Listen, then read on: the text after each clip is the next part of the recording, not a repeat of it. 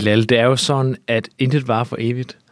Og, og, det er dybt sagt. Nå, og selve bare, altså, hvis ikke, hvis ikke der var noget, der sluttede, altså hvis ikke var en tidsmæssig bestemmelse på alt i tilværelsen, så ville der ingenting, der ville være smuk i tilværelsen. Fordi hvis alt var evigt, så ville det ligesom udvande alt. Og Det er vores smukt sagt. tid på Karnov øh, har jo også talt i dag i et eller andet omfang. Og øh, derfor skal vi jo så småt begynde at lave noget reklame for de nye Yes. podcastværter. Ja. Og i den forbindelse har vi øh, inviteret vores redaktør, øh, Rasmus, op i øh, studiet, for lige at snakke om, hvad indebærer det egentlig at være øh, legal podcastvært. Velkommen ja, til. Ja, tak, og jeg tænker, at det er I jo nok de bedste til at svare på. Men først og fremmest må jeg godt lige øh, til alle dem, der lytter med, kæmpe tak til jer to. Kæmpe skud ud til jer to, drenge. Altså, I har jo, øh, hvad hedder det, været igennem øh, et fuldstændig vanvittigt forløb her det sidste år, og hold kæft, hvor har I bare løftet den opgave, det har været at, være, hvad skal man sige, at lave podcast. Tak. Det gør man jo ikke bare lige fra spids. Det har I gjort. Nej, jamen, tak. I har været i Rom og tak, interviewet tak. spændende Ja, mennesker, ja. og hvad hedder det, skulle taget opgaven seriøst. Jo, Vi har i hvert fald gjort vores bedste. Vi har i hvert fald gjort vores bedste. Ja, Så kæmpe skud til jer til at starte med. det, det sætter vi stor pris på.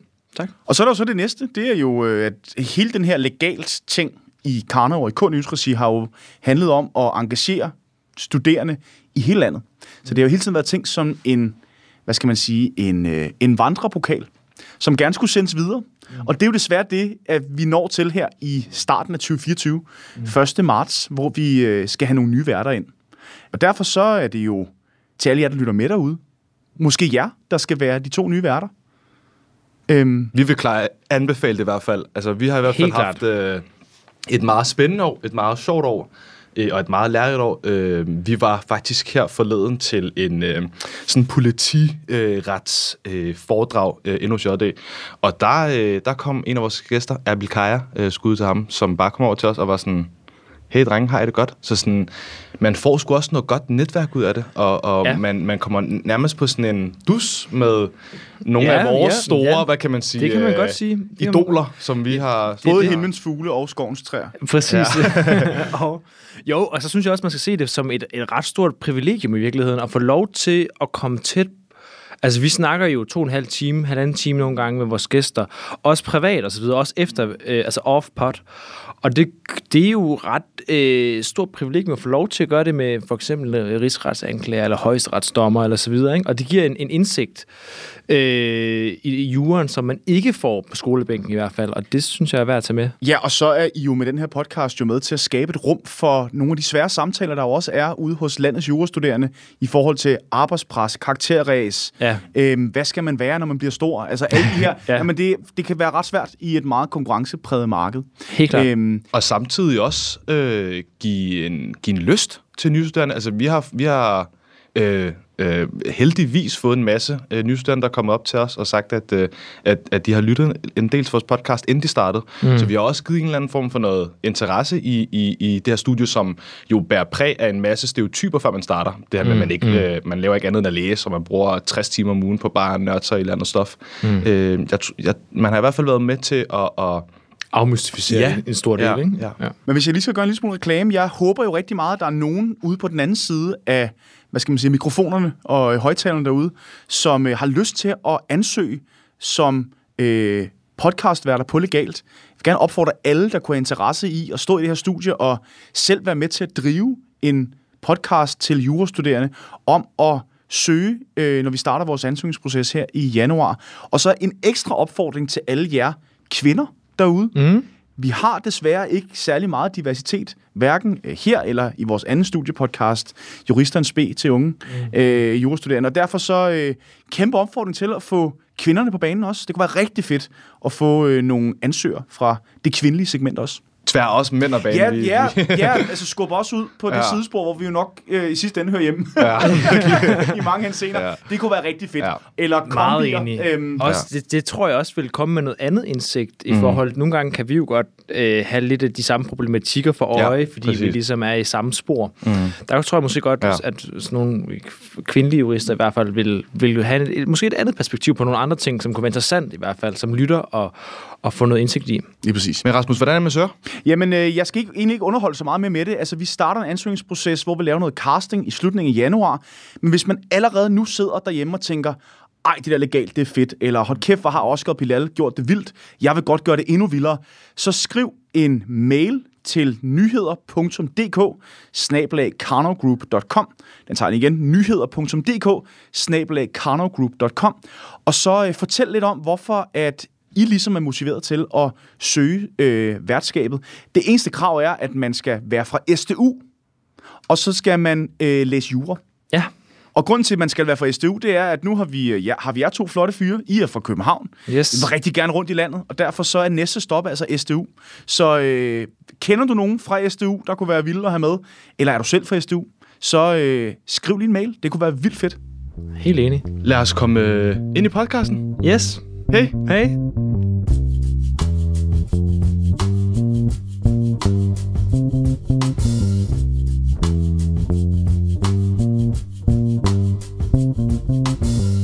Der er jo sket lidt øh, siden sidst, Oscar.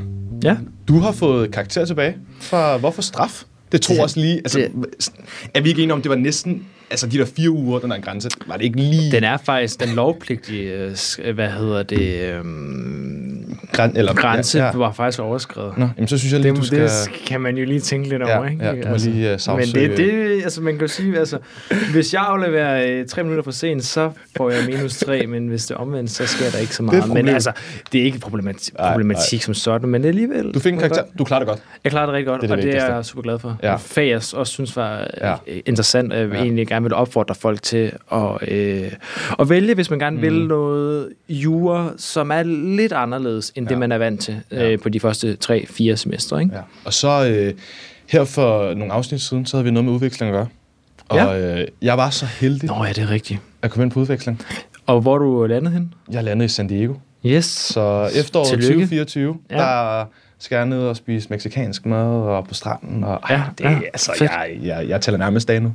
Ja, det er fedt. Nå, men så skal jeg tage civilproces alene, kan jeg forstå. Ellers så må du tage øh, visit ned til San Diego. Ja, det kan det altså, godt være, Altså, ja. Vi kan lige så godt også tage et podcast-afsnit. ja, det, det, det skal vi da lige finde ud af, om ikke øhm, der er finansiering til det. øhm, vi har jo en lidt særlig gæst med i dag. Sidst der havde vi noget internationalt. Ja, men også en dommer.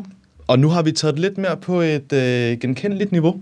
Ja. National plan. Det vi alle sammen elsker. Danmark. Der er ikke så meget hul om hej her. Nej. Altså, øh, der er ikke så meget diskussion om, hvem der har jurisdiktion til at dømme her. Det er ret øh, lige til. Sådan har det været i mange år i hvert fald. Ja. Og det er jo sådan, at øh, højesteret, det er jo øh, kongerigets højeste domstol. Det er den sidste appeldomstol. Den lader sine afgørende ord falde på Slottholmen. Og når jeg snakker om øh, højesteret, så snakker jeg også om dommerværet. Fordi vi er så heldige at have øh, Rikke Forsum med i dag. Velkommen til. Mange tak. Du er øh, højesteretsdommer, kvindelig højesteretsdommer, som der jo ikke er så mange af. Det skal vi også snakke lidt senere om, øh, hvordan det kan være. Mhm. Når jeg snakker om retsstatens hellige gral, demokratiets sakrale vugge, så taler jeg primært om dommerværet, fordi der er så meget nerve forbundet med den i forhold til retsstaten og øh, retssikkerhed, øh, er vi i hvert fald blevet lært op i, mm. i på jurastudiet. Og øh, det er jo et øh, erhverv, som i sidste ende øh, værner om retsstaten og yderste konsekvens skal beskytte borgere mod øh, vilkårlig øh, magtudøvelse i virkeligheden. Altså de, de helt principielle sager, hvor grænserne bliver draget. Og det skal vi snakke lidt om. Og øh, først og fremmest så kan jeg øh, regne ud, eller jeg har i hvert fald tjekket, at du er øh, sproglig student fra Randers. Er det ikke korrekt? Det er korrekt. Og så har du læst jura på Aarhus. Det har jeg. Og, og kun på Aarhus. Kun på Aarhus Universitet, ja. Og vi kunne godt tænke os at starte med at spørge om, hvorfor valgte du egentlig jura? Ja, på en måde lidt tilfældigt, og på en måde ikke. Øh, jeg havde, øh, ligesom så mange andre, samfundsfag på højt niveau i øh, gymnasiet, og kunne godt mærke, at jeg havde en stor interesse inden for, for det fag. Mm. Men sådan mere en samfundsfaglig interesse i, i bredeste forstand, kan man sige. Og, øh, og derfor var jeg også, da jeg så øh, tog et par sabbatår, som flere valgte at gøre, øh, dengang noget i tvivl om, hvad det skulle ende med. Men den her interesse bar mig jo i retning af statskundskab eller jura, det tror jeg sådan set er et, et valg, som flere, der har den interesse, øh, står i. Og jeg tror for mig, der var der nok tre ting, der sådan gjorde udslaget i, hvorfor det blev jura og ikke statskundskab. Og øh, det første var, og det var i hvert fald mit indtryk dengang, og jeg vil sådan set sige, at det holder stik øh, langt hen ad vejen i dag, det er, at øh, jura for mig i bund og grund handler om mennesker. Det er konkrete sager, og det er konkrete mennesker, der bliver berørt i den anden ende af de afgørelser, der bliver truffet, og, og i det hele taget, øh, så handler jura grundlæggende om mennesker. Mm. Hvor statskundskab måske grundlæggende handler om lidt mere overordnede ting, altså samfund, organisationer, forvaltning, systemer. Og det er måske sådan lidt firkantet øh, sagt, men jeg tror, det tiltrak mig det her med, at der sådan set var konkrete mennesker, der blev berørt af det, man laver. Og så tror jeg også, at øh, det havde en betydning, at jeg øh, havde nemmere ved at forestille mig, hvad jeg skulle lave bagefter, hvis jeg læste jura. Jeg synes, der var så mange muligheder, og jeg synes, øh, så mange retninger, man kunne vælge at gå, og det er en uddannelse, man kan bruge til utrolig mange ting. Øh, jeg havde lidt sværere ved at forestille mig, hvad jeg skulle være, hvis jeg læste øh, statskundskab. Mm. Og navnlig, fordi det var ikke sådan, at det bare tiltrak mig at skulle ind og være øh, embedsmand eller ansat i en kommune. Og så synes jeg pludselig, det blev lidt mere diffust, hvad man skulle bruge den uddannelse til. Ja. Og det sidste, øh, som jo altså også er et moment, man må tage i betragtning, det er, at øh, som mit karaktersnit så ud fra gymnasiet dengang, så var jeg helt sikker på, at jeg ville komme ind på jurastudiet i Aarhus, hvor jeg måske lå og balancerede lige på grænsen ved statskundskab, og så tænkte jeg, mm. Så det var måske også med til at sige, at jeg vil egentlig gerne på forhånd vide, at det er det her, jeg skal, øh, ja. når vi rammer 1. september, eller hvornår det nu er, man starter uddannelse. Spændende. Hvorfor, øh, hvorfor blev det ikke København? Hvorfor skulle du blive det, Jamen, i det jyske? Ja, altså nu, som I har været inde på, så er jeg jo født og opvokset i Randers, og det betyder altså også, at jeg har tilbragt uh, utrolig meget tid i Aarhus, uh, fordi det sådan er storebroren til Randers. Det er der, man tager ud, når man skal shoppe og hygge sig og opleve kultur. Så, så jeg var egentlig vant til at komme i Aarhus. Jeg har også, uh, mine forældre er ikke jurister, men de har begge to på forskellige tidspunkter læst i Aarhus. Min far har læst på arkitektskolen, og min mor har læst på pædagogseminaret på et tidspunkt. Så, så jeg har sådan været vant til at komme i Aarhus. Og derfor var det måske meget nærliggende for mig, at det var der, det hele det skulle starte. Aarhus Universitet har jo også altid haft et utroligt godt ry, og ja. jeg siger ikke, at København ikke har, men i hvert fald på det tidspunkt, der, øh, der var jeg egentlig ikke i tvivl om, at det var det, det skulle være. Hvis vi lige bliver ved Aarhus, øh, fordi vi har oftest vores gæster med der fra KU, og vi har hørt om deres studietid, og nogenlunde det samme med jurabar og sådan noget der. Hvordan husker du din studietid på Aarhus? Jamen, jeg husker det som en helt fantastisk tid. Jeg synes, der var meget frihed i det mm. at være studerende, og, øh, og det nød jeg i fulde drag. Øh, jeg synes jo, at der ved siden af studiet var plads til mange andre ting.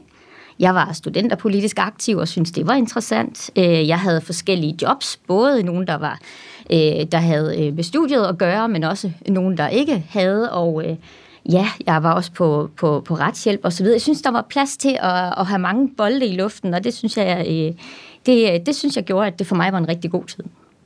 Dejligt. Hvis vi lige går videre til det, som dagens afsnit handler om, det her med fra øh, jurastuderende til højesteretsdommer.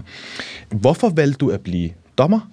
Altså man kunne jo sige, at det måske er lidt tilfældigt, at jeg er landet i dommergærningen, men øh, okay. det ved jeg alligevel ikke helt, om det er.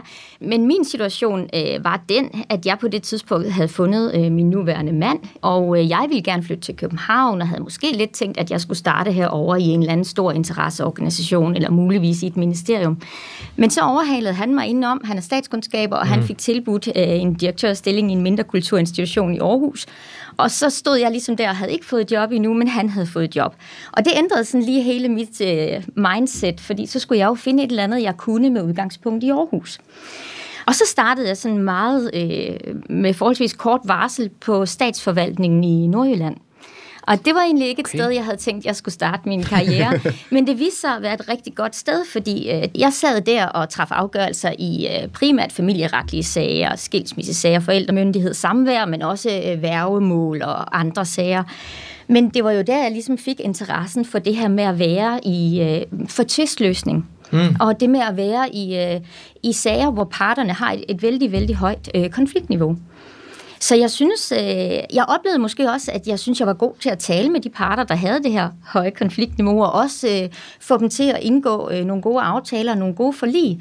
Og jeg oplevede også, at selv der, hvor det ikke lykkedes, så det at træffe en afgørelse, det gav også ro, og det gav dem også mulighed for at komme videre. Mm. Så selvom man ikke øh, kan gøre alle glade, og det gør man jo bestemt ikke, der er jo typisk en part, der ikke får medhold og ikke er glad, så oplevede jeg alligevel, at det kunne give en ro og hjælpe folk til at komme videre. Så der fik jeg måske lidt smag for det her med Ja, ja, okay. tvistløsning og, og konfliktmæling, og også det her med at træffe afgørelser i konkrete sager. Men noget af det, jeg savnede på statsforvaltningen, det var nogle bedre rammer. Altså nogle bedre rammer for processen. Mm. Og så savnede jeg selvfølgelig også øh, at have nogle andre sagstyper, end bare dem, der er lagt ind under statsforvaltningen. Ja. Og så ved jeg ikke, om I selv kan høre det, men så lykker det jo lidt Ja. lige for, at mm. så er man nødt til at prøve at søge ind som dommerfuldmægtig og se, øh, om det er noget. Og øh, det gjorde jeg jo så. Hvor, Øh, hvor gammel var du på det tidspunkt? Ja, nu skal jeg jo så lige øh, regne øh, tilbage. Altså, jeg ved, jeg startede som dommerfuldmægtig 1. januar 2006. Ja. Øh, og forinden havde jeg jo så været på statsforvaltningen i nogle år. Jeg havde også undervist et år halvandet på Aarhus Universitet i nogle forskellige fag, mm. øh, mens jeg var på barsel med, mit, øh, med min ældste øh, søn. Så der var også gået nogle år der, så ja, jeg har nok været omkring de 30. Ja, fordi Ja. ja. er der ikke noget med, at der er nogle alderskrav, man skal imødekomme for at blive øh, dommer? Eller få lov til at... Jo, for, og, øh, der er ikke nogen alderskrav for at blive dommer, men der er noget erfaring, du er nødt til at, at have med dig, og så skal man jo, for at blive dommer i dag, skal du have gennemført en landsretskonstitution. Men det, jeg startede som i 2006, var jo dommer fuldmægtig, og det er jo en, en uddannelse, som, øh, som løber over tre år, øh, hvor man øh, både sidder i specialafdelingerne, skifteret, fodret, og også øh, så har en retsdag om ugen, eller måske lidt mere. Mm. Øh, muligvis har en mentordommer tilknyttet, og så har man nogle forskellige kursusfag, øh, man tager i løbet af de her tre år, inden man ligesom er færdiguddannet dommerfuldmægtig. Så det var det, jeg startede med øh, på Ja. det tidspunkt. Vi skal helt frem til 2014, før jeg blev udnævnt byretsdommer, men det var jo altså efter en tur i landsretten og et meget langt forløb øh, rundt omkring ved de jyske byretter. Okay. Hvis vi lige kan gennemgå sådan proceduren til den kære lytter, som ikke Ja. forstår, hvordan øh, det der fungerer. Ja. Jamen altså, øh, ved øh, domstolene, der har man øh, selvfølgelig ansat øh, dommerne til som udgangspunkt at behandle de sager, der kommer ind. Men til både at hjælpe dommerne, men også til selv at varetage øh, egne sager, er der jo et antal dommerfuldmægtige, som i starten i deres ansættelsesperiode vil være under uddannelse, og så senere bliver sluppet lidt mere løs. Og de varetager en del af retsarbejdet, altså de helt almindelige civile sager, straffesager osv. Så går de også typisk ind, hvis man har i byretterne har man jo øh, civile sager, der bliver behandlet med tre dommer nogle gange. Så kan det også være en fuldmægtig, der går ind som den tredje dommer.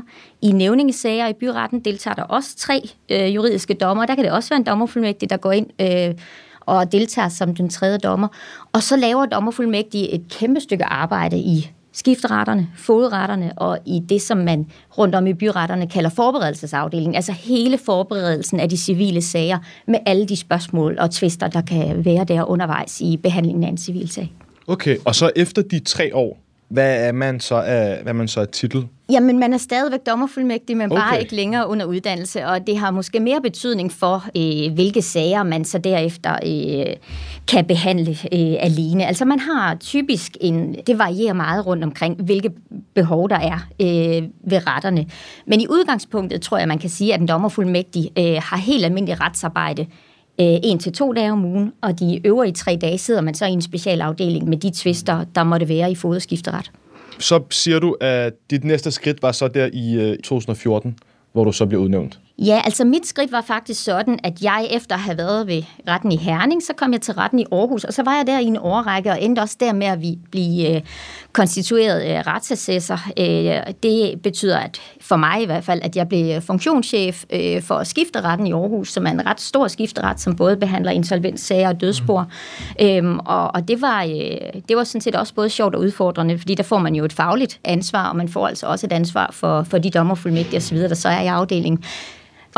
Det blev så lidt mit springbræt til at sige, at nu var jeg klar til at komme i, øh, i landsretten. Og så søgte jeg en stilling som dommerfuldmægtig i landsretten. Øh, og det var jo så i Vesterlandsret i Viborg. Så der startede jeg så der som dommerfuldmægtig i 2012. Og fuldmægtig forløbet i Vesterlandsret er tilrettelagt sådan, at man er fuldmægtig i cirka halvandet år, og så søger man en landsretskonstitution. Og så går man så direkte ind i den her landsretskonstitution. Og en landsretskonstitution, der fungerer man på linje med de øh, udnævnte landsdommere. Okay. Men du fungerer på prøve. Og det vil sige, at du går ind som i virkeligheden øh, på linje med de udnævnte landsdommere og deltager i, i de sager, der behandles. Øh, og så bliver du altså vurderet på din egnethed til at blive byretsdommer. Det lyder skræmmende. Så konstitutionsforløbet det er øh, der, hvor vurderingen sker, og, og det er det papir, man bagefter skal ud og søge dommerstillinger på. Så der skal man jo altså øh, have en vurdering, der siger, at mm. man er kvalificeret til at blive byretsdommer. Man skal også helst have en vurdering, der siger, at man er velkvalificeret til at blive byretsdommer. Øh, for Hvad er det, man, man vurderer øh, på der? Altså, man vurderer på en hel række øh, mm. parametre. Men det mest øh, afgørende er selvfølgelig dine juridiske kvalifikationer og dit øh, juridiske jugement. Mm. Øh, men derudover bliver man jo også øh, vurderet på, hvordan man er øh, som person, og hvordan man er til at få sager ekspederet, og man bliver øh, også vurderet på sin øh, ja, mundtlige fremstilling, skriftlige fremstilling, og en række andre parametre.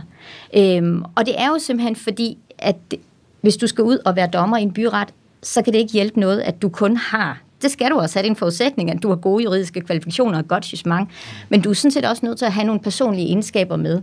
Fordi langt hen ad vejen i en byret, der sidder du alene i en retssal øh, mm. og skal forestå al retsledelse selv.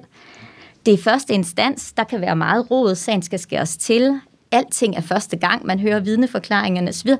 Øhm, og, og det kræver altså også, at man selvfølgelig har et overblik, men også, at man har en, en gennemslagskraft og en, og en myndighed osv., som skal til for at, og ligesom kunne, øh, kunne, kunne varetage det, der skal varetages under retsledelsen i en byretssag. Så det er lidt eller sådan en eksamenagtig, hvor man skal op Ja, det er der jo mange, der kalder det, og jeg kan jo også sige, altså for nylig har der jo været en, en diskussion af, hvordan det her øh, konstitutionsforløb, øh, det føles, og hvordan det er, og, og jeg må bare sige for mit eget vedkommende, jeg synes, det var en god tid. Jeg synes, der var øh, masser af spændende sager, og jeg synes, jeg havde nogle søde kolleger.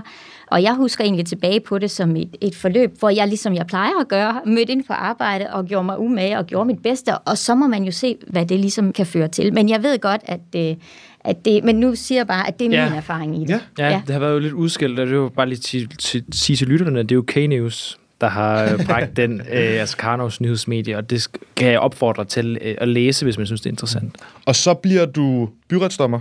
Ja, så når jeg lige at blive færdig i, i landsretten, og så bliver jeg byretsdommer ved retten i Horsens. Og så er jeg det, men, men ikke ret længe faktisk, fordi så åbner der sig nogle stillinger som landsdommer i Vestre Landsret. Så du så, bare springer til? Så allerede i 2015 mm. øh, blev jeg så udnævnt som øh, dommer i, øh, i Vestre Landsret og øh, stort set sammenfaldende, men det bliver så også formand for ligebehandlingsnævnet, hvilket også har været et rigtig spændende værv. Og, og det skal vi med med også snakke om ja. øh, senere i afsnittet. Men hvad øh, gjorde udfaldet, at du øh, både på så kort tid skiftede fra byretten til landsretten? Altså var det bare sådan en det kan næsten være lidt svært for mig at, øh, at svare på, fordi øh, jeg har altid nyt at arbejde i byretten, og jeg synes også, det var virkelig uh, sjovt og givende og interessant at være byretsdommer.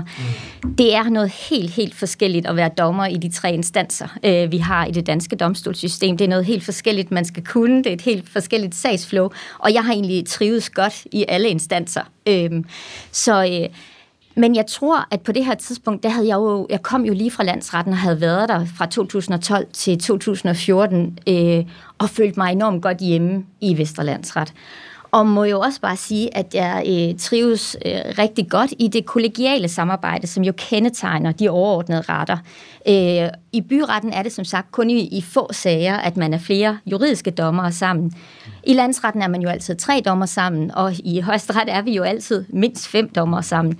Og jeg trives helt utrolig godt i det der kollegiale samarbejde. Jeg synes, det kan noget helt særligt. Mm. Øh, man kan lære af hinanden, man kan lytte til hinanden, man er ligesom i øjenhøjde, man har læst den samme sag, og det giver altså bare nogle rigtig interessante faglige diskussioner, som jeg holdt rigtig meget af. Spændende. Meget spændende. Og vi mangler jo lige, fordi så bliver du højstrafsdommer. Ja, Øh, og jeg vil selv tillade mig at sige, at det synes jeg ikke selv øh, lå i kortene. Øh, men, øh, men sådan kan det jo også øh, ja. gå nogle gange. Øh, ja, jeg tiltrådte jo i højesteret i maj øh, 2021, efter at have bestået prøvesagsforløbet i løbet af efteråret øh, 2020. Og jeg vil sige det på den måde, at det spring var jeg da også øh, selv øh, lidt i tvivl om, også fordi jeg øh, har jo altså haft bopæl i Aarhus, øh, ja, lige siden studietiden. Du har været stavnsbundet jo. Ja, det har jeg, og øh, altså, min situation er jo så også den, at min familie stadigvæk bor øh, i Aarhus, i mm. Rigskov, og så arbejder jeg jo herover og har en lejlighed herover, så for mig var det ja, okay, en meget stor okay. beslutning. Ikke bare at søge en stilling som dommer i højesteret, men jo altså også de familiemæssige forandringer, det ville betyde i vores liv, for at sige det på den måde. Ikke? Så det var, øh, det var da også noget, der lige skulle overvejes. Helt klart, helt Når det klart. så er sagt, så var det ikke noget, jeg skulle overveje øh, ret længe, fordi øh, at få den mulighed, det er jo ikke, fordi jeg fik en mulighed for at blive højstretsdommer som sådan, men det, at der var nogen, der øh, måske sådan på lidt uformel vis øh, lod mig vide, at hvis jeg var interesseret, så så man da gerne en ansøgning fra mig. Øh, det, Det er meget fedt. Det var sådan set øh, nok skub for mig til at sige, mm. jamen øh, det er jeg er da nødt til at prøve af. Ja, så er det jo helt fantastisk, at det lykkedes. Og der blev man simpelthen ansat. Man laver en ansøgning, og så bliver man enten antaget af højesteret, og så bliver man så ansat, og der er ikke sådan noget forløb bagefter det, hvor man skal trænes op, eller... Nej, altså det man kan sige om ansættelse som dommer, øh, og det gælder sådan set alle tre instanser, mm. øh, det er jo sådan, at øh, det er jo jobopslag som så mange andre. Der bliver slået en stilling op som dommer i en byret, landsret eller højesteret, og så søger man den stilling. Og så ligger kompetencen til, hvem der skal indstilles til, øh, til stillingen og udpeges af hendes majestæt, sådan helt formelt, den ligger hos øh, det uafhængige dommerudnævnelsesråd. Mm. Så der er jo en særlig øh, instans, et særligt råd, som tager stilling til, hvem der skal udpeges som dommer øh, ja. i Danmark. Og sådan foregår det altså også ved en stilling øh, som højstretsdommer. Og typisk er forløbet sådan, at der er jo en ansøgerliste med dem, der har søgt, mm. og det, nu taler jeg alle tre instanser. Og så får øh, det enkelte embede, hvor den pågældende skal ansættes, mulighed for ligesom at, at komme med en indstilling og sige, at vi peger på den og den og den. Og sådan øh, foregår det også i højesteret, men så er det jo altså dommerudnævnelsesrådet, der i sidste ende skal sige, jamen, hvem skal have øh, stillingen. Og sådan foregår det altså også her. Men det særlige ved højesteret er så, at selvom dommerudnævnelsesrådet har indstillet en, så bliver man altså ikke indstillet til en stilling som højesteretsdommer, man bliver indstillet til at prøvevotere i højesteret. Okay. For det er sådan, at hvis man skal, øh, ja, hvis man skal ansætte sin stilling som dommer i højesteret, jamen, så skal man godt gøre sin egnethed ved at votere i øh, fire prøvesager i højesteret. Interessant. Og nu hvor du siger prøvesager, at det altså sådan sager, sager, altså det er sager, Det- hvor der er en, der... Det er øh, sager, der øh, det er sager, der baserer for højesteret og skal behandles i højesteret. Og der indtræder man så øh, simpelthen som i virkeligheden yngste øh, voterende uden at tælle med.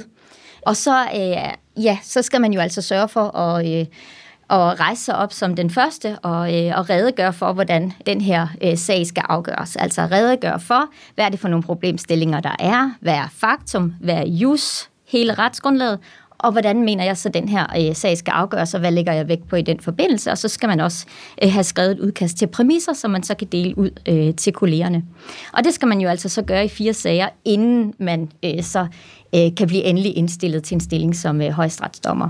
Det, det må da være der- noget pres, når, altså, ja, det du sagde, at, at være den første, det må da være noget pres at, at træde ind i et rum, hvor at, øh, store kanoner som øh, Thomas Rørdam eller øh, Jens Peter Christensen. Der står der, så skal du Og til at give, på en. ja, Altså, det og nærmest bare give sådan et dødsblik, hvis du ikke siger Det, noget, det, der er det ved jeg ikke, der. om- skal vi lige revidere, hvad, hvad der foregår i højesteret? Nej, men det, det må da have været lidt angstprovokerende.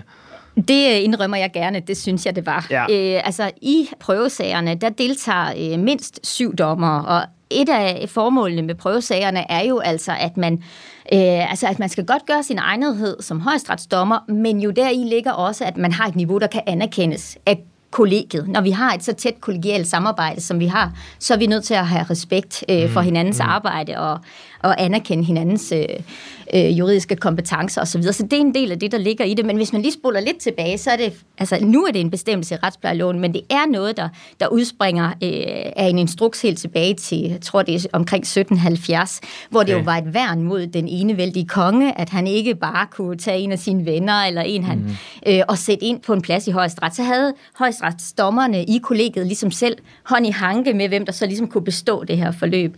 Og man kan sige, at i dag er der jo ikke nogen, der ikke består det forløb. Men det ændrer jo ikke på, at der er et kæmpe pres. Fordi det er klart, første gang man skal rejse sig op foran de forhåbentlig kommende kolleger i højesteret, der vil man jo gerne gøre det rigtig godt. Og øh, det er jo altså også første gang, at man tager den her øh, røde kappe på og rejser sig op og, øh, og redegør for, hvordan man nu synes, den her sag skal afgøres. Så det er en helt, helt speciel situation. Så har vi i hvert fald fået ridset den vej op. Ja, jeg, jeg kunne godt tænke mig at stille et lidt andet spørgsmål faktisk, fordi at som dommer, især som højesteretsdommer, så er der jo også en, et et stort ansvar og stor magt også, øhm, der følger med embedet. Tænker du nogensinde over din ageren i det private, efter du blev uddannet som dommer, kontra at du har handlet anderledes end, øhm, end tidligere, hvis ikke du har været dommer? Øh, hvis jeg skal starte lidt bagfra, så vil jeg sige, at jeg er i tvivl, om jeg ville have handlet anderledes øh, tidligere. Men mm. nu har jeg jo også øh, været dommer øh, meget af min karriere, eller i hvert fald været øh, berøring med domstolssystemet, ja. og jeg synes, det giver lidt sig selv, at hvis man sidder som dommer og skal øh, dømme i, i, i sager om færdsels, alt fra færdselsforseelser til alt muligt andet, jamen ja. så kræver det altså, at man selv øh, har en ordentlighed og holder sin sti ren. Ja. Så på den måde, så, så tror jeg ikke, at det har gjort den store forskel for mig øh, at, at tage det trin op øh, og blive højesteretsdommer. Men, men svaret er jo, at det er noget, jeg tænker meget over. Ja, det er noget, du tænker Det er noget, jeg tænker meget på, over. Ja. Øh, jeg vil sige, at den værdighed, der skal være øh, om værvet som højesteretsdommer, det er jo ikke, øh, det, det rækker jo ud over øh, den tid, hvor man sidder øh, inde på i Prins Jørgens gård på adressen der. Mm, øh, mm. Så, øh, så ja, det, det indgår på mange måder i, i de valg, jeg træffer. Ja, for der har også været, jeg ved ikke, om du kan huske, der var også en, en sag med Morten Messersmiths øh, dommer på et tidspunkt, som blev erklæret inhabil. Ja, på grund af øh, Facebook. Ja, præcis. Så, så, og det kom jeg egentlig også til at tænke på. Gud, mm. det er jo, man skal egentlig virkelig være på dupperne som dommer. Ja, for, ja, ja fordi det krævede jo en virkelig gammel øh, Facebook-post, hvor ja. han havde været... Øh, ja, Altså, så, han har liket, nu er jeg ikke helt ja, i sagen. Ja, så, så, men, så, sådan, så selv, selv sine sociale medier skal man ja. også lige Uha. Eller hvad? Eller hvordan altså, ser jeg, du jeg, på det? Jeg kan selvfølgelig overhovedet ikke udtale mig øh, om den sag, men det jeg kan sige, det er, at der skal sådan set en del til, før man bliver sådan øh, godt gammeldags klassisk inhabil, hvis jeg ja. kan sige det på ja. den måde. Ja. Og det er der, det kommer ind, det vi taler om nu. Det er jo i forhold til appearance-hensyn, for det kan jo sagtens være, at man ikke er inhabil i den forstand, som vi lige tænker det, men det skal jo heller ikke være sådan, at dem, der øh, får en dom eller er part i en sag i højesteret, at de kan have fornemmelsen af, at man er partisk på nogen måde. Og derfor er man nødt til at udvise forsigtighed øh, i mange sammenhænge. Men den kommentar, jeg vil knytte til det, det er, at jeg synes, at det er et meget lille offer, hvis det overhovedet er et offer, set i lyset af det, som du nævnte før, nemlig at man jo også som højesteretsdommer har et stort ansvar. Øh, og, og er, altså jeg føler mig jo enormt privilegeret, at jeg kan få lov til at være med til at deltage i afgørelsen af sager, som øh, sætter retning i dansk ret og bidrager med retsafklaring osv. Øh, og man kan sige, at alting kommer med en pris. Jeg er ikke sikker på, at jeg synes, det er en pris, at jeg Nej. skal passe lidt på, hvad jeg gør på sociale medier, eller at jeg altid skal sørge for at have en faktura i orden, og så mm, videre. Mm, mm. Det, det, det tror jeg ikke, jeg ser på den måde. Men Nej. i det omfang, man måtte gøre, så er alt jo lidt en balance. Ja. Øhm, det lyder lidt som, at din vej hen mod øh, højesteretsdommers været har været hvad kan man sige, fantastisk og lidt sådan en dans på roser. Kan du, kan du, kan du forklare, hvad det, det sværeste ved din vej har været? Altså, hvad, du har jo været inden for domstols i, i altså siden 06. Altså sådan, hvad, har, hvad har det sværeste været, både ved, om, om vi snakker overgangen, men også bare Altså bare generelt det her med, nu som du også selv siger tidligere, at, at du har skulle nærmest flytte din bopæl ja. væk fra din familie. Altså jeg vil starte med at sige, og det er nok også det, I kan høre, at jeg har sådan set altid elsket mit arbejde. Mm. Jeg har lagt mange timer, jeg har gjort mig umage, og jeg har taget imod de udfordringer, der ligesom øh, kom til mm. mig. Bagsiden af det er, at jeg er jo også øh, i en familie, og jeg har øh, to sønner, og, øh, og man kan sige, noget af det, der har været svært, og det tror jeg, mange kan genkende i dag, ikke kun kvinder, men også mænd, det er, øh, hvordan får man et arbejde, der fylder meget og kræver meget, til at harmonere med også at kunne få et familieliv til at fungere. Øh, og min mand har som sagt også øh, haft store stillinger, hvor han har, øh, som har krævet noget af ham.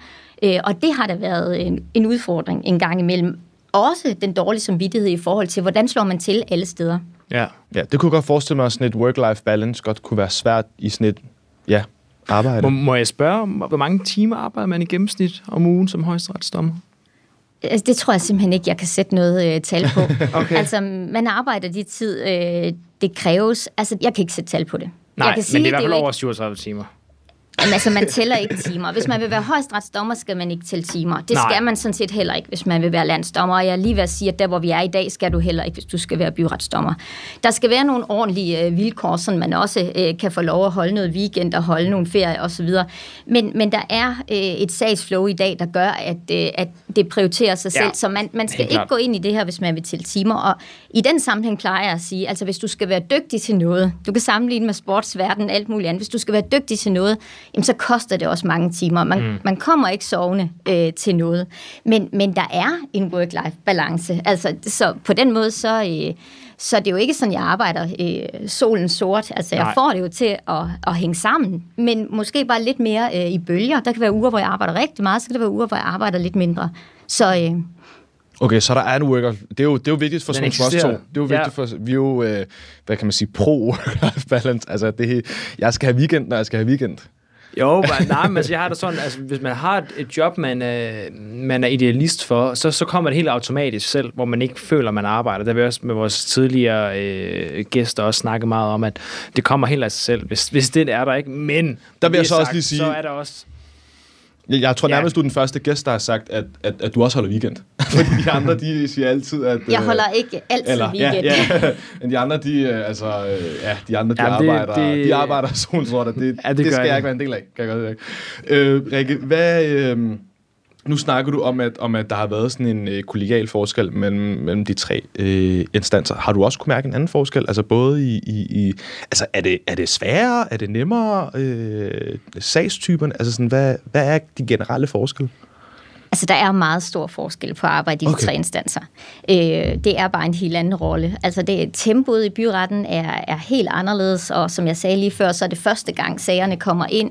Det kan være lidt af en rodebunke, der er noget, der skal skæres til. Man ved ikke, hvad der kommer i forklaringerne. Det kan også ændre sagen. Øh, og så videre. Så i byretten, der ligger meget af det arbejde, man har. Det ligger sådan set efter, man har haft hovedforhandling, hvor man ligesom kan se, nu er sagen skåret til, og hvad er det for nogle problemstillinger, man skal med at gøre. Øhm, og, og det stiller store krav til retsledelsen. Når man så rykker op i landsretten, som jo er ankeinstans, og sådan set jo altså sidste instans for langt de fleste sager. Altså det er jo ikke mange sager, der får øh, appeltilladelse eller kan ankes direkte til højesteret. Så landsretterne er jo sidste instans i rigtig mange sager. Øh, der er tempoet øh, en lille smule anderledes, ikke? fordi der er sagen skåret til, og der ligger øh, som udgangspunkt en rigtig god dom fra byretten. Så kan man jo være enig eller uenig i den. Man kan mene, at byretten øh, er gået forkert i byen, eller at byretten har gjort det rigtigt. Og der kan jo også være kommet nye beviser til, altså, og der kan også komme nye forklaringer fra landsretten. Så der kan være flere grunde til, at man ændrer det, men man har en ramme, som er helt, helt anderledes end det, man sidder med i byretten. Så i landsretten, der så sidder man med et andet grundlag og kan diskutere på det, og man er også anderledes forberedt, fordi man har haft det grundlag, inden man går ind i retten. Men du har stadigvæk bevis umiddelbarheden. Ikke? Du møder parterne, du møder øh, mm. de, de skæve eksistenser en gang imellem i sagerne osv.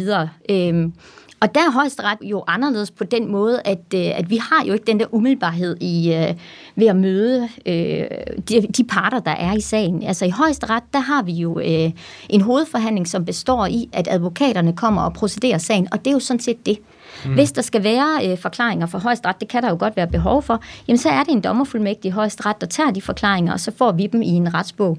Så, så, så den der umiddelbarhed, den har man ikke i højesteret. Til gengæld står man jo på et virkelig solidt fundament, fordi enten ligger der både en byretsdom og en landsretsdom, øh, retsdom. Og ellers så ligger der jo en grundig øh, gennemarbejdet dom fra landsretten, og det er jo det, vi ligesom skal stå på. Og en sag kommer jo kun i højesteret, hvis der er principielle spørgsmål i den. Det vil sige, at den skal have en videre rækkende betydning. Og det ændrer sådan set langt hen ad vejen også den måde, man tilgår en sag på. Og igen, nu bliver det nok måske sagt lidt firkantet, men i byret og landsret, der har jeg altid haft meget fokus på, at vi afgør den her konkrete sag. Og i det omfang, den sag eller den afgørelse skal have betydning for andre sager, så er det jo bare fint, men vi har fokus på den konkrete sag. I højesteret vender det sådan set lidt om. Hver gang der lander en sag på mit bord, så øh, går jeg jo i gang med at tænke, hvad kan vi bruge den her til? Hvad kan vi afklare? Øh, hvad kan vi sige noget om? Okay. Hvor langt kan vi gå? Er der en behov for afklaring? Og i så fald, hvem er det, der har behov for afklaring her? Mm. Øh, så hver gang tænker jeg, hvad kan jeg bruge den her til? Og det er jo altså selv en sag, hvor jeg måske ikke er i tvivl om resultatet. Så er det det, der er øvelsen. Det er, nu er den i højesteret. Højesteret er jo over årene i stigende grad blevet en præjudikatsdomstol. Altså meningen er, at vi tager stilling til principielle sager Ja. og udstikker retningslinjerne og. Og- Og, og der kigger vi hver gang på, hvad kan vi bruge den her til? Hvordan kan vi gøre det? Det er super interessant, det du siger, fordi det er jo, altså udover at skal afklare tvister, er I også sat i verden for at afklare juridisk tvivl om noget, der har Ja. været omstridt i mange år nogle gange. Ja. Og det gør jo også, at I i stort omfang er jo også med til at, at lave ny ret i virkeligheden på nogle domme. Lidt firkantet sagt igen, ikke? Men i virkeligheden, altså en dom med noget præjudikatsværdi, især højesteret, kan jo virkelig rykke nogle ting. Især inden for, skal vi sige, obligationsretten eller så videre, hvor det er lidt mere fluffy med, øh, med hvordan man skal dømme i, i forskellige sager. Øh, tænker du meget over, at, at, at du har den, øh, hvad kan man sige, magt, eller øh, at det kan have den konsekvens? Altså, jeg tænker meget på ansvaret, der ligger i, at de domme, der kommer ud fra højesteret, de skal kunne bruges af de juridiske aktører. Man skal kunne læse dem, man skal kunne forstå dem, og man skal langt hen ad vejen øh, simpelthen kunne bruge dem. Sige, her har vi en opskrift på det generelle, og så er det så op til byretsdommeren i den næste sag at ligesom konkret subsumere op imod øh, de generelle retningslinjer, øh, højesteret har udstukket. Øh, jeg plejer at være noget tilbageholdende med at sige, at, at højesteret på den måde er, er retsskabende. Altså vi er jo meget, meget opmærksomme på magtens tredeling, og hvad er det, der er den lovgivende magts øh, rolle, og hvad er ligesom højesterets rolle. Og højesterets rolle er jo sådan set at at fylde ud, ikke? Altså, hvor der er plads til at fortolke mm. en bestemmelse jamen hvordan skal det så fortolkes? Og jeg kan godt forstå, at du kan sige det som om, at det skaber ny ret, men jeg tror, vi vil sige, at det skaber ikke ny ret, men det fylder ligesom ud og hjælper med at forstå allerede gældende ret. Okay. Hvordan ser en normal uge ud for en, for en højesteretsdommer? Altså, er du på kontoret, og får man bare stukket sådan en sag i hænderne, og så går man bare ind fra ende til anden, og så møder man op? Altså, sådan, hvordan, og hvor, hvor ofte er du i retten? Ja. Altså, hvordan fungerer sådan noget? Ja, det kommer i højst ret meget an på, hvilket nummer du er i voteringsrækkefølgen. Okay. Øh, de første voterende i højesteret, og dem er der øh, fire af. Øh, vi har to afdelinger i højesteret, første og anden afdeling, og på hver afdeling er der to første voterende tilknyttet. Og de har typisk hver anden sag. Hvis man skal sige det sådan lidt i gennemsnit, har de nok en sag om ugen, de skal forberede. Når man så bliver anden voterende, så er det måske to sager om ugen, øh, nogle gange kun én sag, men sådan lidt færre sager. Og, og jo ældre voterende man bliver, jo, jo flere sager er man altså så med i. Men det er, fordi første voterende har en helt særlig opgave, og det er derfor, at der er et anderledes øh, sagsflow for de første voterende. Der bliver holdt en hovedforhandling, hvor som sagt advokaterne kommer og procederer. Lige så snart advokaterne er færdige, så bliver dørene låst, og så går vi i gang med voteringen. Og der er det altså første voterende, øh, som først rejser sig op og voterer. Og så når første voterende er færdig, ja, så er det så anden voterende, der rejser sig op og voterer, og så fortsætter man på den måde hele voteringsrækkefølgen igennem. Øhm, og derfor så er det første voterende, der har øh, hele opgaven jo sådan set med at redegøre for de ting, jeg var igennem før, øh, og også har udspillet på, hvordan skal den her sag afgøres. Og første voterende skal også komme med et fuldt domsudkast, øh, som øh, man deler ud, når man er færdig med at votere. Så på den måde så ser øh, det ser lidt forskelligt ud, alt efter ja. hvor man er i, i rækkefølgen. Og jeg er lige nu øh, anden voterende, og det vil sige, at jeg har som udgangspunkt øh, to sager om ugen, som jeg deltager i. Og så har jeg derudover nogle skriftlige sager, som sådan nogle har vi også i, i højesteret. Det må være meget læsning. To, øh, der, der er rigtig meget læsning. Sager. Meget læsning, og man skal også lytte meget. Ikke? Ja. Øhm, men så er der jo også hele domskrivningsprocessen, som vi jo altså virkelig øh, gør meget ud af. Øhm, jeg plejer at sige det på den måde, at øh, altså, voteringen i højesteret er meget formel. Altså, vi rejser os op, vi står i vores kapper stadigvæk øh, og voterer. Nå, så er det øhm, ikke fordi, når man lige har det lidt varmt, så tager man lige Nej, det gør man ikke. Så derfor, den, den er meget sådan... Øh, den er meget øh, formel og, og også stadigvæk øh, højtidelig. Altså, ja. man må ikke afbryde hinanden, og det går ligesom der i, i voteringsrækkefølgen. Lige så snart vi så er færdige med at votere, så kan man sige, så fortsætter voteringen jo lidt, øh, mens man skriver dom. Ikke? Fordi det er jo der, vi skal sidde og afprøve hver en præmis, øh, vi skriver i begrundelsen, og prøve den af på hinanden, og finde ud af, hvad kan vi blive enige om, og er vi nødt til at dele os, sådan at det bliver en afgørelse med dissens, eller hvad, hvad kan vi ligesom samles om? Så, og i domskrivningsfasen, øh, øh og det er nok den fase, jeg holder allermest af, der bliver det faktisk et gruppearbejde mellem de dommer, der nu øh, samarbejder om den her sag. Der har man nogle gode og åbne drøftelser øh, frem og tilbage hen over bordet, indtil man ligesom lander i et resultat, som øh, oftest alle kan se sig selv i. Fedt. Jeg kunne godt tænke mig at stille et spørgsmål, som ikke nødvendigvis tilknytter sig øh, embedet som øh, højesteretsdommer, men bare generelt som dommer. Kan du pege på nogle dilemmaer som dommer, som du har haft svært, ikke jeg vil sige svært ved at navigere i, men som har været svære i det hele taget at tage stilling til? Ja, og der må være nogle følelsesmæssige dilemmaer, som man står for. Altså en ting ja, er, det ja, eller, hva, ja, men ja, jo. Og noget andet er, at man står der med, med mennesker, som vi ja. snakker om jo. Ja, præcis. Altså, det, her med, vi, vi, det, det er jo mennesker, der er foran os. Forstår du vores Jeg forstår godt, hvor I vil hen. Øh, men der kan jo være dilemmaer på, på flere niveauer. Altså jeg tror, jeg vil starte med at sige, at, at vi jo alle, og der mener jeg alle dommer ved de danske domstole, er jo professionelle folk, og I skal tænke, det er jo vores profession, ikke? Øh, og derfor så, øh, så tror jeg også, at vi har en tilgang til det, hvor der måske ikke er så mange dilemmaer. I hvert fald kan Nej. jeg ikke sådan selv få øje på dem, men, men jeg kan godt få øje på noget af det, I siger. Og jeg vil sige, altså et dilemma kunne være, og det er måske sådan lige i, i kanten af det, I spørger til, men noget af det, som jeg tror er et dilemma, navnlig i byretterne lige nu, mm det er, at man jo altid gerne vil gøre sig umage i hver eneste sag og skrive en rigtig god dom, som øh, parterne i hvert fald kan forstå. Det kan godt være, at de ikke er enige, men de kan i hvert fald forstå den. Og det tror jeg er udfordret lige nu af de meget lange sagsbehandlingstider, der er derude, og det meget store øh, sagsflow. Fordi alle dommere går på arbejde og, og vil gerne sørge for, at alle får en ordentlig behandling, når de møder i retten. Øh, og, øh, og også får et godt produkt i forhold til den dom, der, der kommer ud. Men jeg tror, man kan blive udfordret på, ikke at leve op til sine egne faglige standarder, hvis der bliver for travlt. Og det tror jeg kan være et dilemma for nogle byretsdommer. Nu er der jo så lige øh, vedtaget en, en flereårsaftale, mm. som tilfører nogle ressourcer der, så man kan håbe, at det hjælper lidt. Men det er i hvert fald noget, jeg selv har prøvet at være udfordret på, at der simpelthen ikke er tid til og nu snakker jeg byretsniveau, og ligesom øh, holde det niveau, man gerne øh, selv vil. Øh, det er et dilemma. Et andet dilemma kan da godt være, at man jo en gang imellem er nødt til at træffe nogle afgørelser, som er hårdere Øh, der er jo mange afgørelser, der går ud over nogen, men der er jo også nogen, der sådan er, er særligt øh, hårdere. Jeg tror ikke, jeg ser det som et dilemma, men det er klart, at der er nogle sager, som man husker øh, bedre end andre sager. Øh, også fordi, at det har været måske nogle lidt hårde afgørelser. Og så er der, det er jo ikke et dilemma, men, men det tror jeg, man vil høre fra mange øh, aktører inden for det strafferetlige system, at der er jo nogle særlige straffesager, som man ikke glemmer, og det er jo sådan nogle sager om misbrug af børn osv. De, øh, det er jo ikke nogle sager, man lige glemmer. Men, men jeg synes ikke, øh, jeg kan ikke sige det på den måde, det er jo ikke noget, der er et dilemma. Det er, det er måske mere sådan en... Øh, hvad skal man sige, øh, altså det er jo et vilkår i hvert fald også, øh, når man er dommer, at man også må tage de ubehagelige sager og ja, de svære sager. uagtet om man har en følelsesmæssig forståelse, eller øh, hvad, hvad enten det kan være. Ikke? Ja, altså jeg tænker, man skal da altid have sig selv med på arbejde og have mm. en øh, forståelse for, at der sidder nogen dernede, som har rigtig meget på spil, øh, og, og, og hvor den afgørelse, man skal træffe, den betyder virkelig meget, for ikke at sige alt. Mm. Øh, og, øh, og det skal man da have en forståelse for. Ja. Øh, og det der uanset, hvordan afgørelsen så falder ud i den sidste ende, så skal man da have en forståelse for, at det er en svær situation for dem, som, øh, som sidder der. Øh, og det må man, der må man jo sørge for, at de i det mindste går derfra og føler, at de er blevet behandlet ordentligt. Altså det, det er jo sådan set det, vi kan, vi kan sørge for i den sammenhæng. De ja. er blevet hørt, og at de er blevet behandlet ordentligt.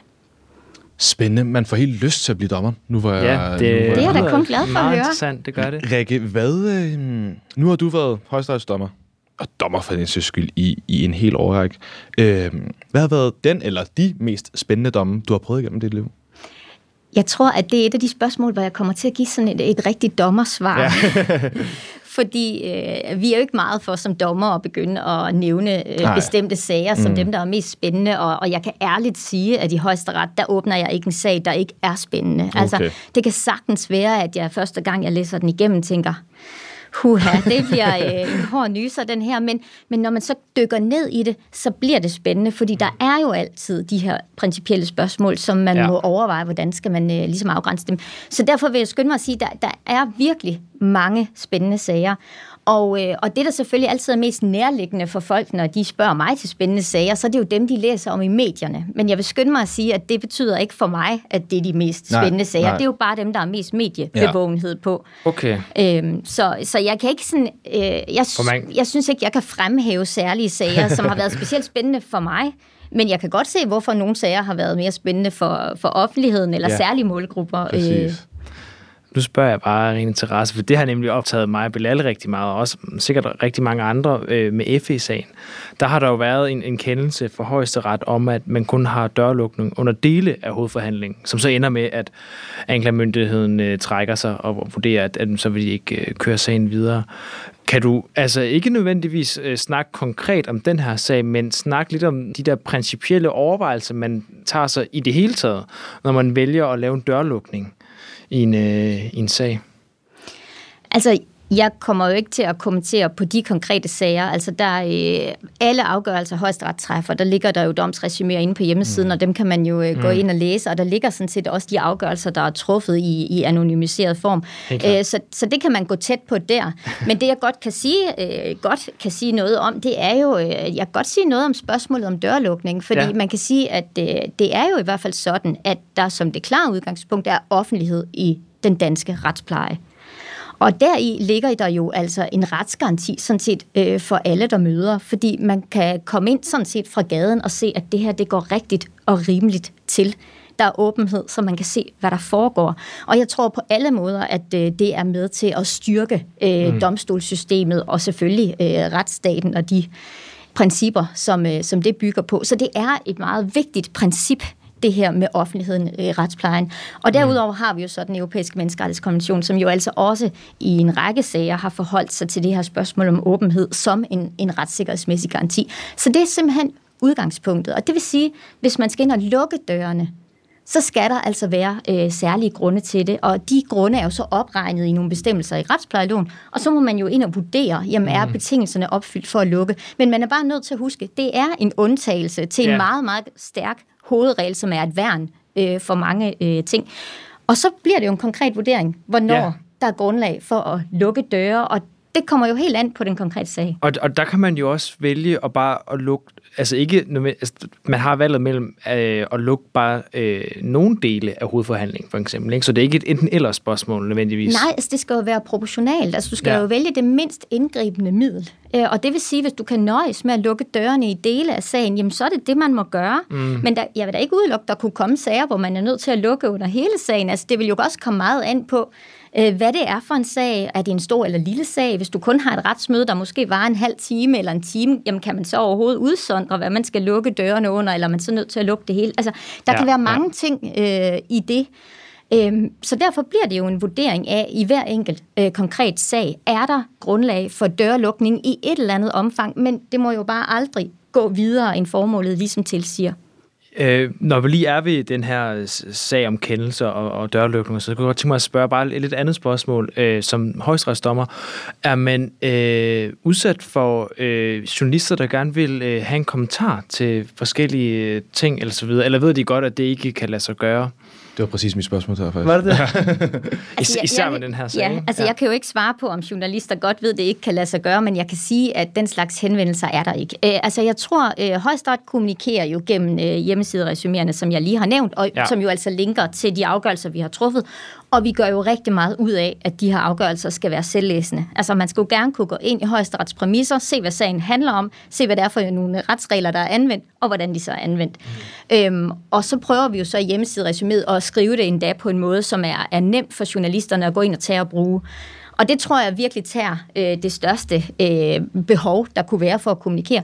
Derudover så er der jo den åbenhed, som jeg sagde før, og det vil sige, at der sidder jo tit journalister øh, og overværer øh, den procedure og hovedforhandling, der er i højesteret. Så de har jo også mulighed for selv at komme ind og høre, hvad der så foregået. Øh, så, så det er altså ikke, øh, det er ikke noget, jeg oplever øh, i højesteret. I, nej, i, at du bliver ringet op og sådan noget. Nej, nej. nej. Øh, I landsretterne, der er der en øh, medieansvarlig øh, dommer, og det skyldes jo, at landsretterne jo slet ikke i samme grad udarbejder domsresuméer, som man gør i højesteret. Altså, det gør man kun i, i særlig store sager, øh, mm. hvor man kan se, at der har været en medieinteresse, og hvor det derfor øh, vil give et, et pres. Men øh, altså, det ville da være hensigtsmæssigt, hvis du spørger mig, hvis landsretterne også i videre omfang mm. ville øh, kommunikere gennem øh, domsresuméer, øh, fordi vi kan se, at øh, medierne bruger det, og jeg vil også sige, at det giver en bedre formidling, øh, mm. at man kan se, at de går ind og bruger nogle af de formuleringer, som vi jo altså har, øh, har brugt i pressemeddelelsen. Det bliver mere præcist simpelthen. Hvad med sådan efter en sag, går du så hjem, og når der alt er publiceret gennem øh, ekstrabladet, og der, går du så ind og sådan, altså, kan du godt finde på at læse en afgørelse og tænke, det her, det, jeg, jeg synes bare, at nogle journalister, øh, nu ikke for at snakke dårligt med alle, men, men godt det ikke kan forklare sagerne til sådan dybden, kan jo godt nogle gange sådan lidt sidde der og tænke, altså lidt grine eller sådan lidt, ej, hvor er det bare dårligt journalistisk arbejde. Øh, både og. Altså, jeg er ikke sikker ja. på, at jeg selv opsøger det, men det er jo ja. sådan med nyheder i dag, at ja. øh, næsten uanset hvad man tænder for, så øh, kommer der jo øh, forskellige nyheder. Og, og så synes jeg da godt, det kan være interessant. Altså, jeg tror, det interessante for mig er, øh, forstår de budskabet? Forstår de, hvad det er, vi vil sige? Eller bliver det ligesom misforstået? Altså, det, det er sådan set det. det. Fordi ja. man kan sige, at i det omfang, det bliver misforstået eller kommunikeret forkert fra medierne, jamen, så har vi øh, måske svigtet et tror eller andet ikke sted. også ikke? nogle gange, at det kan være en lidt selektiv misforståelse, hvis Jo, man skal Det have tror jeg også. kampagne Jamen, og det, det kan det sagtens være. Ja. Ja. Men i hvert fald må man bare sige, at, at målsætningen for os må jo være, at, Klart. det, at det i hvert fald bliver kommunikeret rigtigt ud, hvad det er, de domme, øh, vi afsiger, de går ud på. Nu nævnte du lige før, at det der med domsresumé og sådan noget også ville være rigtig fint, hvis man virkelig kunne få udvidet det i landsretten og så videre. Men på det seneste har der været meget snak om øh, domstolens ressourcer. Og om hvor øh, altså, Abel Kaya, som var forsvarsadvokat, som vi har haft inden tidligere, har simpelthen sagt, at, at han mener, at nogle steder i, hvad hedder det, i domstolssystemet, der er det simpelthen brudt sammen. Øh, har du oplevet det, at der er sådan en knaphed med ressourcer øh, på domstolsområdet? Altså, jeg har jo ikke nået, tror jeg, øh, altså jeg har, jeg har oplevet udviklingen derhen, men jeg har jo ikke været i byret og landsret øh, de sidste to og et halvt år i hvert fald, Ja. hvor jeg tror, det her rigtig har taget fart. Altså det, man jo i hvert fald kan sige, det er, at der jo øh, over årene er kommet rigtig meget ny lovgivning med strafskærpelser. I kan tage alle bandepakkerne, ikke? Mm. Og hver gang man ligesom skærper øh, straffene, og også, øh, så betyder det noget for den tid, der skal bruges på at behandle sagerne i retten. Der er jo så kommet mange flere nævningesager, for eksempel, og som jeg sagde før, så deltager der jo så tre juridiske dommer, og der deltager nævninger, og det er et større setup, og det er tidskrævende. Mm. Derudover, så, når man hæver straffen, jamen, så bliver der også et spørgsmål om, om udvisning i mange sager, hvor, hvor, hvor den tiltalte ikke øh, er dansk statsborger. Det er også noget af det, der forlænger sagsbehandlingstiden, og jo altså gør sagerne øh, vanskeligere at behandle.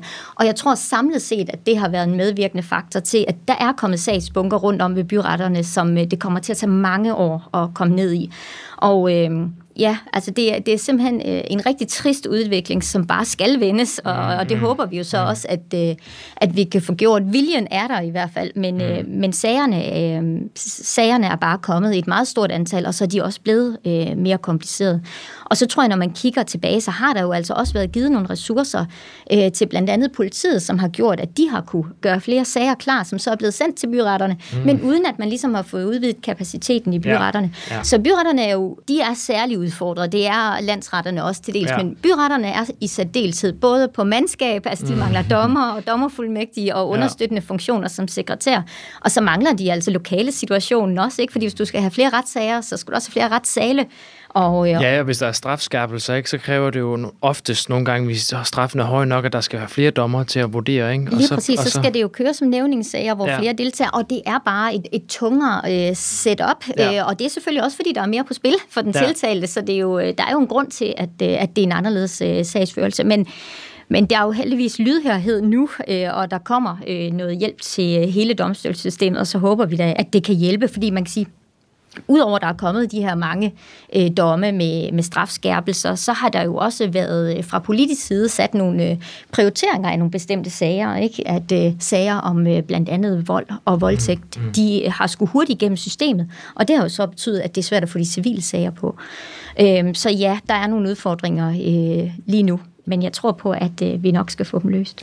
Og som om det ikke var øh, nok for dig, Rikke, at være dommer ved de tre øh, instanser, så har du også været formand for ligebehandlingsnævnet. Ja, det har jeg. det er du ikke længere. Det er jeg ikke længere, på fordi det skal være... Det er en landsdommer, der er formand for ligebehandlingsnævnet, så da jeg blev udnævnt som højesteretsdommer, så måtte jeg... øh, Så må du træde fra. så må jeg træde fra. Jeg er heller ikke sikker på, at jeg ville have haft tid til at varetage den opgave, men øh, så det passer nok meget godt. Altså, hvorfor, hvorfor skulle du lige være formand for ligebehandlingsnævnet?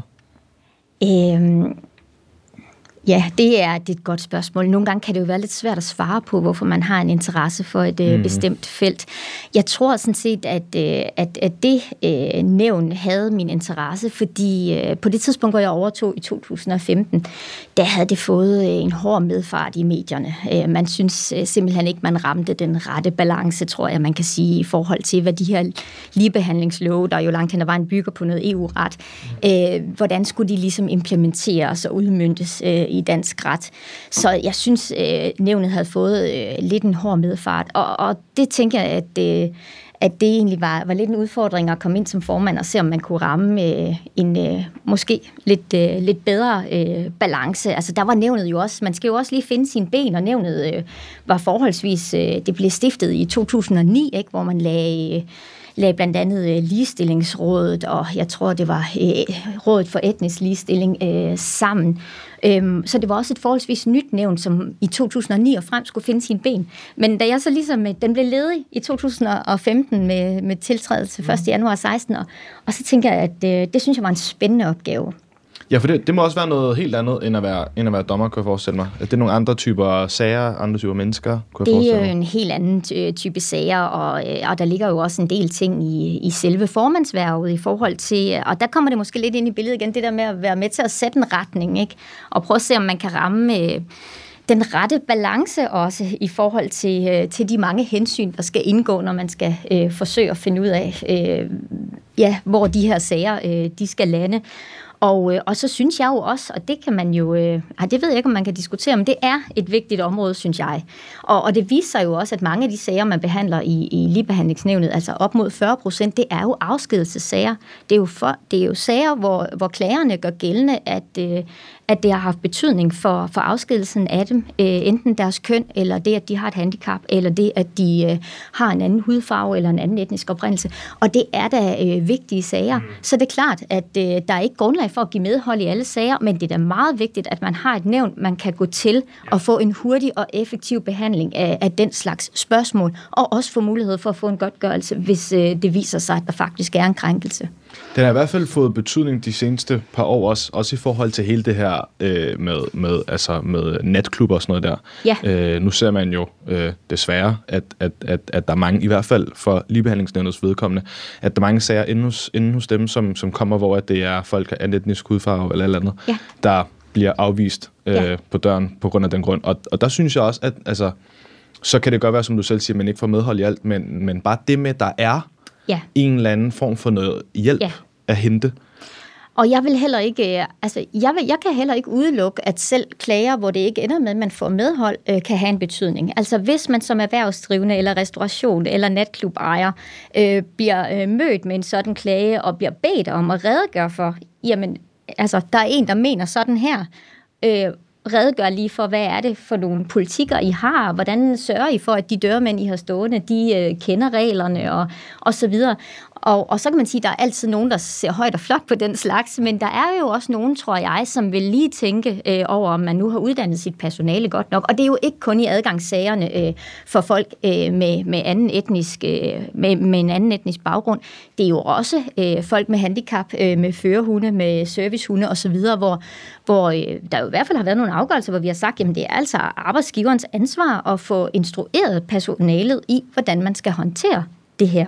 Mm. Øh, så, øh, så man kan ikke bare undskylde sig med, at man har hævet en ny medarbejder ind øh, dagen, der startede dagen før, og derfor ikke øh, kendte til reglerne osv. Det, det er altså arbejdsgiverens ansvar. Så, så jeg, synes, øh, jeg synes, der har været, øh, jeg synes, jeg har været med til at afgøre øh, mange spændende sager øh, i min tid i, i ligebehandlingsnævnet. Det lyder fandme også som et, øh, som et nævn, vi Og der lige må vi jo også bare sige, som den gode uh, Trine Baumbach siger, ukendskab til loven diskulperer ikke. som Og du siger. det, yes. Hvad hedder det? Vi har også lige et, øh, et øh, brevkørespørgsmål med. Ja, øhm, her på falderæbet. som jeg, øh, jeg snakkede faktisk med, øh, med min mor her forleden. Nå, ja. Øh, og snakkede lidt omkring sådan noget, altså om at jeg skulle have en, øh, have en dommer, en højesteretsdommer med til næste podcast. Ja. Og hun spurgte, øh, som den øh, kvinde, der ikke kender så meget til jura, undskyld mor, øh, hvad har været både det sjoveste hvad var være højesteretsdommer, men også det sværeste? Altså, hvis vi lige starter med det sjoveste, hvad har, hvad har generelt været det sjoveste ved at være højesteretsdommer? Eller det fedeste? Der er rigtig mange ting, der er både sjove og fede ved at være højesteretsdommer. Det, det tør jeg godt at sige, men det er jo fordi, det simpelthen bare er et arbejde, der er super spændende og super sjovt. Øh, og hvis man så også godt kan lide at, at tage ansvaret, så, øh, så bliver det hele jo bare øh, endnu sjovere. Jeg tror, altså, hvis jeg skal sige, og igen, det kommer jo til at spille ind med hele dommerkarrieren, men jeg kan jo godt lide, altså jeg tror, det mest spændende, det er den der variation i sagerne. Altså, at man er jo generalist som mm. dommer.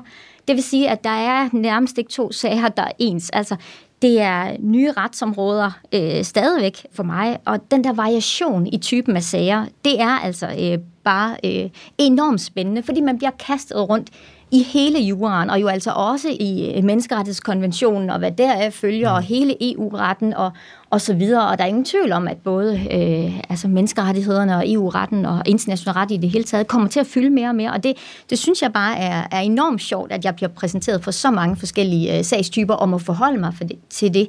Øh, så på den måde, så, øh, så synes jeg, det er øh, meget spændende. Øh, hvad der så ikke er så spændende ved det, Eller det værste. det værste, Den der klokken 8 morgen sorte kaffe, man bare ikke gider at drikke. Jamen det værste. Mm, jamen det værste er da, at det kan da godt være svært en gang imellem. Være, øh, men det er jo også det sjove, så det er jo lidt et trick-spørgsmål det her. Ja, altså ja. noget af det svære, det, det er da, at der kan være svære sager. Lad mig sige det på den måde. Der kan der være svære spørgsmål. Og der kan der også være spørgsmål, hvor altså mange af de sager, der kommer ind i højesteret, kan jo sådan set procederes begge veje, og hvor øh, man kan sådan set godt argumentere begge veje, og det vil man også kunne i en begrundelse. Og derfor er der da mange overvejelser om, hvad fører det her til? Hvilke konsekvenser vil det have? Og, og det kan da godt være svært nogle gange, øh, om man har det fulde overblik øh, over, hvad konsekvenser det her det, det kan have. Altså, hvor skal man ligesom være forsigtig, og hvor tør man sige noget mere. Og, og det hænger måske også sammen med den der med, at vi beskæftiger os med så mange retsområder. Og tit handler det jo lidt om, når man åbner et retsområde, man ikke kender så godt i forvejen, at sige, jamen, okay, men hvad ligner det her? Altså, hvad skal vi ligesom forsøge at... Altså, sådan, øh, ja. Interessant. Så hvis der står 1-1 i en procedure, eller teoretisk set, ikke? så vil man også kigge på, at okay, begge parter kan vinde den her sag. Så kigger vi simpelthen på, hvilken fremtidig effekt vil det have, hvis vi gik til højre eller venstre, og så vælger man ud fra det, hvis der står 1-1. Jeg er ikke sikker på, at man kan sige det helt sådan, fordi det er klart, at den konkrete sag skal afgøres rigtigt. Men man kan jo godt lidt diskutere, hvad er så rigtigt? Mm. Og, og der vil jeg sige, der kan det da godt have betydning, at, at et resultat skaber en klar retstilling, som øh, måske giver de bedste konsekvenser, øh, når man kigger ud i det juridiske landskab, og, og dem, der nu skal ud og bruge den her afgørelse efterfølgende. Ja. Øh, eller skaber den bedste retsstilling for borgerne. Sådan kunne det jo også være, ikke? Mm. Øh, eller nogle andre hensyn, som gør. Øh, så, så ja, i de situationer, hvor man sådan set kunne, øh, så, så må man jo ind i nogle overvejelser om, hvad giver egentlig den bedste retsstilling, eller den klareste retsstilling. Okay, interessant. Jeg har i forbindelse også lige med det øh, lige sidste spørgsmål, fordi jeg kunne huske, da jeg var øh, yngre og, og først startede på jura og alt det her, så havde jeg, et, jeg havde en eller anden fornemmelse om, at en højesteretsdommer skulle kunne alt jura åbenbart udenad. Altså, hvor meget forhåndskendskab får man? For jeg kunne også godt forestille mig, at man, man møder sager, hvor at man skal ind i en bestemmelse, hvor man tænker, man nærmest ikke engang vidste, at den her bestemmelse fandt. For der er jo nogle bestemmelser i de forskellige lov, som jo ikke bruger. Især straffeloven er jo mange bestemmelser, som jo bare nogle gange godt kan ikke være lidt til pynt, undskyld, øh, Justitsministeriet, men, men mere bare sådan en, altså som ikke bliver prøvet så ofte. Hvor meget forhåndskendskab skal man have til, til, til loven? Det, det er endnu et spørgsmål, jeg vil sige, at det, det kan jeg ikke øh, svare på. Jeg kan svare på, øh, hvordan jeg selv ser det, og mm. så vil jeg også komme med den bemærkning, at øh, noget af det, som er enormt vigtigt øh, i højesteret, det er jo også, at man får sammensat et kollegie af 18 dommere, som kommer med forskellig baggrund. Fordi vi arbejder jo tæt sammen, og derfor det, at vi kommer med forskellige baggrunde og en bred baggrund, det gør jo, at vi øh, kan byde ind med noget forskelligt. Også at vi, man kan godt mærke, at vi er skolet forskelligt. Der er forskel på, om man kommer med en baggrund fra Justitsministeriet, om man kommer med en baggrund som professor på universitetet eller advokat, for nu at tage dem, der sådan er, er mest typiske, eller om man kommer med en baggrund som min, som man kan kalde lidt fra mesterlæreren, ikke? Øh, som dommerfuldmægtig og den vej op. Vi har forskellige øjne og tilgange til det. Øh, men som I kan se, så samles vi jo og bliver enige, men det er jo altså et fælles produkt. Og derfor så tænker jeg også, at der er jo ingen af os, der kender øh, alt juraen, men vi har jo mange kompetencer at, at trække på. Og så er vi jo alle sammen, øh, og det ved I jo som jurastuderende, altså vi er jo øh, så velbevandret ud i metoden. Altså vi ved jo præcis, hvad det er for en metode, øh, vi skal anvende for at ligesom få os sat ind i det her område. Øhm, så, så jeg tror, at vi som dommer er, er skolet i meget hurtigt at identificere, hvor er knasterne her? Altså, hvad er det for nogle problemer? Og så koncentrerer man sig øh, benhårdt på dem. Og det, men det er jo også det gode ved højesteret. Der er jo tid til fordybelsen, og det er det lange, seje træk, øh, hvor man må ned igennem alt, hvad der ligger øh, af øh, afgørelser og litteratur og, og så videre, øh, for ligesom at få det fulde overblik over det retsområde, man skal, øh, man skal ind og, og, og træffe en afgørelse i.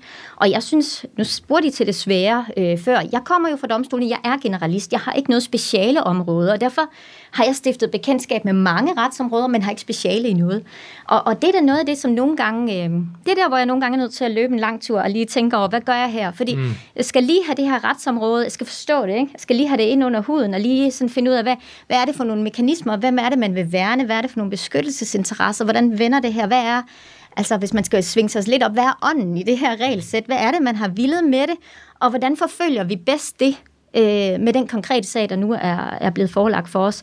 Øh, men, men nu siger det noget af det svære, men I kan også mm. godt høre, det er også noget af det sjove, mm. ikke? Ja. Jo, men det er jo, det er jo ja. paradokset, ikke? Ja. Øh, det kan aldrig være for nemt eller for svært. Og, og det, sådan er det jo også lidt på jurastudiet, man er nødt til at ja, ja. om. Altså, altså der det, er... det svære og også det sjove. Mm. Ja. Og ej, der er enkelte fag, hvor det er både svært og, og træls. Men, ja, det kunne jeg, men... Ej, det kunne jeg godt lide. men øh, Rikke, du skal have stor tak, fordi du har lyst til at kigge forbi øh, på studiet på St. Peters Passage. Det du har i hvert fald øh, givet mig lidt mere lyst til at være dommer. Jeg havde faktisk, øh, da jeg først startede, der havde jeg drømmen om, at jeg skulle være den første dommer af annetisk baggrund. Og så blev jeg sgu slået modstregen. Eller ikke modstregen, men der er jo så en, der ja, lige, ja, lige ja. tog den, som er meget dygtig. Men, øh, men øh, det, det skal ikke stoppe mig fra at... Nej, jeg vil sige, vi ses ved om på år. Ja. Jamen, det skal, forhåbentlig ikke, forhåbentlig det skal ikke, ikke stoppe altså, nogen. Ja, på den rigtige side. Det, øh, velkvalificerede kvinder og mænd er altid velkommen til at søge Jamen, en stilling i højesteret. Det er vi glade for. Perfekt. Tusind, Tusind tak, tak for din tid. Var slet.